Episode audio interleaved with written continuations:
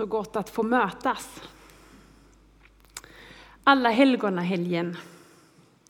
Det är ju en helg som faktiskt är fri från halloween, men även från jul. Det är en jul där vi faktiskt kan stilla oss och reflektera över både livet och evigheten. En helg som vi har kanske för att minnas, sakna, hedra dem som har gått före oss hem till Herren. Hela den här helgen har vi i vårt samhälle ganska stort fokus på att minnas just vänner, föräldrar, släktingar och andra. Och kanske sitter du här med eh, känslan av att det var så många som fick gå alldeles för tidigt. Och kanske har vi med oss minnet om varför. Det var ju inte så här dagarna skulle ta slut för den och den. Den här helgen har blivit faktiskt för gemene man i samhället en av de största helgerna att gå till kyrkan. Att besöka en kyrkogård, att tända ett ljus. För att på något sätt visa en saknad, men också tacksamheten över de människor som har fått betyda så mycket för oss. För en del är döden en punkt. Japp, nu är det slut, det finns inget mer. För någon är döden ett frågetecken. Vad händer efter detta? Någon ser det som ett kommatecken. Det måste väl ändå finnas något mer? Eller? För min del och för många av oss som tror så är det ett utropstecken. Det kommer en fortsättning. Eh, jag ska berätta en berättelse om min bönetant och jag, jag kallar henne min för att det var hon som visade mig vad bön var när jag kom till tro, när jag var 25. Eh, hon var alltid så trosviss. Hon hade gått med Herren en hel evighet, tyckte jag. Eh, hon var i sitt... Hon var ungefär 80. Och så en dag när vi sitter och pratar över en kopp kaffe så säger hon Maria, räcker min tro? Vad då räcker? Men det var som att livet och den sjukdom hon då befann sig i hade skakat henne så pass att hon ställde den frågan till mig. Alltså räcker min tro in i evigheten? Räcker den till att komma hem? Räcker min tro ända in i himlen? Och jag fick påminna henne om vad som står i första Johannesbrev 5 och 13. Detta skriver jag till er som tror på Guds sons namn för att ni ska veta att ni har evigt liv. Så jag sa, din tro räcker. Du tror ju på honom. Du tror ju på Jesus. Din tro räcker in i evigheten. Bibeln är ju väldigt klar och tydlig eh, på denna frågan att Jesus är grunden för evig gemenskap med vår skapare och frälsare. När han, dog, när han vandrade här på jorden och han dog och uppstod från döden så besegrade han ju dödens makt för din och min skull. Jesus säger i Johannes 6, 38, 39. Jag har inte kommit ner från himlen för att göra min egen vilja, utan hans vilja som har sänt mig. Och detta är hans vilja som har sänt mig, att jag inte ska förlora någon enda av alla dem han har gett mig, utan låta dem uppstå på den yttersta dagen. Livet kan göra dig och mig väldigt illa. Vi kan genom om, olika omständigheter hamna, hamna i tvivel på vår egen tillräcklighet. Då är det ju faktiskt riktigt skönt att veta att någon annan har betalat hela priset för vår evighet. Och att vi genom en bön kan få lägga vårt liv i hans hand. Vi ska läsa en längre bibeltext som står i Jesaja 60. som talar om Sions härlighet. Man ska inte mer höra om våld i ditt land eller förödelse och förströelse inom dina gränser, utan du ska kalla dina myrar för frälsning och dina portar för lovsång. Solen ska inte längre var, eh, mer vara ditt ljus om dagen, månen ska inte lysa dig med sitt sken. Herren ska vara ditt eviga ljus, din Gud ska vara din härlighet. Din sol ska inte mer gå ner, din måne inte mer avta, för Herren ska vara ditt eviga ljus och dina sorgedagar ska vara slut. Då ska alla i ditt folk vara rättfärdiga och besitta landet för evigt. Som ett skott av min plantering, som ett verk av mina händer, för att förhärliga mig. Av den minste ska det bli tusen, av den ringaste ett stort folk. Ja, Herren ska låta det ske snabbt när dess tid kommer. Tänk en plats med en smak av himlen. En plats där han torkar varje tår. En plats som skiner så starkt av Guds härlighet att ingen sol behövs. En plats av tillbedjan och lovsång. Himlen är en plats där Gud är och där jag äntligen ska få se honom ansikte mot ansikte. Har ni tänkt på det? Att vi kan ana Gud hos oss. Vi kan känna och uppleva hans bönesvar och hur han berör hjärtat och djupen av oss. Men en dag ska vi få blicka in i hans ögon och få se honom så som han är. Så vi ser ju att vi lever här och nu.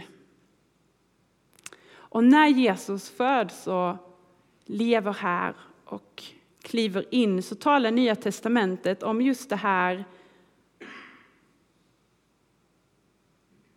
om att hoppet kliver in i tiden. Hoppet innebär ju en intensiv väntan. När Jesus lever här, han dör och han uppstår. Och vi får vara med och, och se hur liksom, hoppet kliver in i tiden och pekar just nu fram mot att han ska komma tillbaka. Och Guds rikes slutliga seger med ny himmel och ny jord. Hoppet innebär alltså att vi väntar. För Guds, vi kan ju se och ana att Guds rike är här, men ännu inte. Så vi som församling, vi vet att vi är meningen att vi ska gestalta Guds rike ibland oss. Men vi vet också att vi gör det på ett ofullkomligt sätt. Och ibland så missar vi helt. Och ibland så ser vi inte bönesvaret. Ibland blir den som vi bad för inte frisk. Ibland är vi fortfarande kvar där som Pelle predikade om förra söndagen, i bönens väntrum och vi är där under lång tid.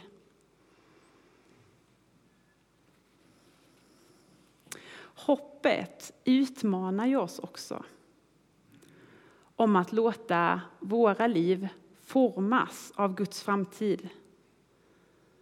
Och jag tror att det får konsekvenser för dig i din familj.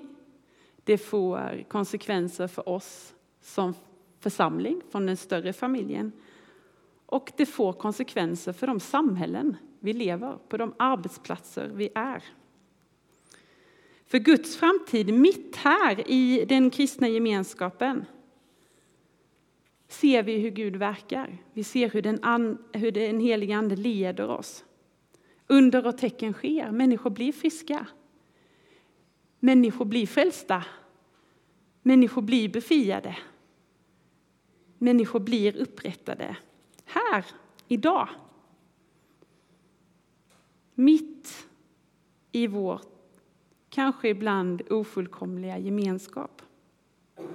Så visar Jesus hur han möter oss specifikt. Vi i församlingens, vi som, gör, vi som är församling och vi gör det diakonala Vi hjälper ju människor för att vi hoppas på en bättre framtid för dem. Vi gör ju inte det bara för att. Det finns ju ett syfte med vad vi gör. Vi engagerar oss för fred och rättfärdighet för att vi vet att Guds tanke är att vi som församling ska gestalta himlen. Att vara en försmak av det vi läste i Jesaja. Men hoppet driver ju oss också till att vänta och längta efter att Jesus ska komma tillbaka och upprätta allt. Det är ju det som gör också att vi delar vår berättelse. Att du delar ditt vittnesbörd om vad Jesus har gjort i ditt liv. Det är ju därför vi evangeliserar både här hemma och långt ut över vår värld. För vi tror att Jesus faktiskt är av evighetsperspektiv. Att vårt hopp, att det inte är upp till oss att lyckas. När vi inte ser svaren så hoppas jag ändå. Jag går till bön för att jag vet att jag inte har koll på allt. Men jag går till honom som har koll. Han som faktiskt vet bättre än mig, som kan mer än mig och förmår mer än mig. En vän till mig sa att vi kan vara vikarierande hopp för våra vänner. Och jag tänkte, vad menar du med det? Men på ett sätt så är vi ju det för alla de som ännu inte har upptäckt Jesus. För när våra vänner och vår familj och omgivningen ser förvandling i ditt liv, i mitt liv, så kan ju hoppet födas. För en genuin pågående förvandling, för så här är det ju, vi växer ju. Helgelseprocessen i ditt och mitt liv är ju att vi misslyckas med saker och vi reser oss upp och vi förstår saker från fler perspektiv och vi fortsätter gå. Men genom att leva nära människor, genom att leva nära våra vänner, både de som tror och oss som församling, och visa på den process som pågår i våra liv, så kan ju det som Gud upprättar i våra liv av destruktiva beteende, egoism, leda till att de ser förvandling i vårt liv där vi lever utgivande på ett annat sätt än vad vi tidigare har gjort. Och det skapar hopp. Ja, men vänta lite, jag vet ju att du inte kunde fixa det själv. Vad är det med den där människan som jag har jobbat med i flera år? Den verkar ju alltid liksom vara vänlig, men det är något mer. Det är något liksom, verkar vara på riktigt. För på något sätt är ju inte hoppet bara något vi säger, utan det är ju något vi står på. Det är något som är förankrat i våra ben. Och vi kan misslyckas med att visa det, att gestalta det. Men nåden är att den är ny varje dag. Och vårt behov och människans behov av hopp är omättligt. Men för att hoppet ska bära genom ett helt liv så behövs en treenig Gud. Som skapare, frälsare och livgivare. Och som visar på att Guds rike är här, men ännu inte. Och i den brytningspunkten lever vi och är till.